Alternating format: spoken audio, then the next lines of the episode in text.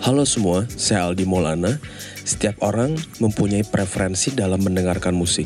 Namun, bagaimana kalau ternyata kamu hanya menyukai satu atau dua jenis musik saja dari begitu banyak jenis musik di dunia ini? Bukankah itu petanda bahwa preferensi musik kita masih sempit dan perlu diperluas? Pada podcast ini, kita akan membahas hal tersebut. Stay tune di Abstraksi Musik by Musik Pod Podcast. ピッ!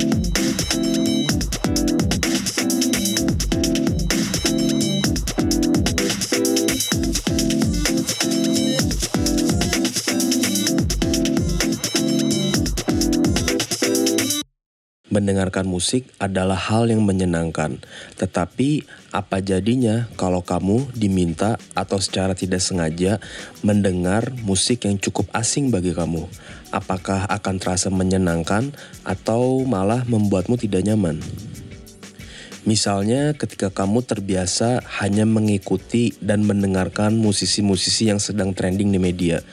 Namun kamu mesti mendengarkan musik progressive rock di sebuah konser karena diajak temanmu yang gemar dengan genre tersebut.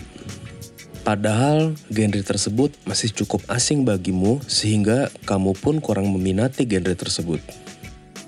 Atau misalnya ketika kamu terbiasa mendengarkan musik bergenre dangdut yang sangat populer di kelurahan tempat kamu tinggal. Tiba-tiba harus mendengar musik pop Jepang yang jarang sekali kamu dengar.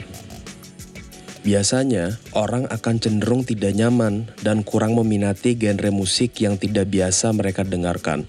Artinya, kebiasaanmu mendengarkan musik membentuk preferensi dan minat kamu terhadap genre musik tertentu yang sedikit memprihatinkan kalau kamu secara tidak sadar hanya disuapi dan menerima secara pasif dari media perkara musik-musik apa saja yang membentuk preferensi musikmu itu.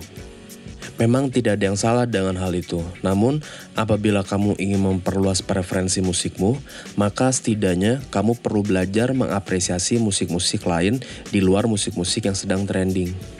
Banyak sekali jenis-jenis musik di dunia ini yang akan sayang sekali kalau dilewatkan begitu saja. Untuk bisa mengapresiasi berbagai jenis musik di luar sana, kamu perlu setidaknya informasi dan panduan sebelum kamu memulai. Informasi tentang ciri-ciri atau asal mula terbentuknya musik dengan gaya tertentu akan memberikan kamu sedikit gambaran seperti apa musik yang akan kamu dengar. Sedangkan sebuah panduan diperlukan untuk membantu kamu dalam mendengar musik tersebut. Misalnya, soal apa saja yang perlu diperhatikan dalam musik tersebut, atau bagaimana kamu mesti mendengarkan, dan bagaimana langkah-langkah mendengar yang tepat. Sehingga kamu tidak akan canggung dan beranjak begitu saja karena kapok mendengarkan musik yang asing bagimu.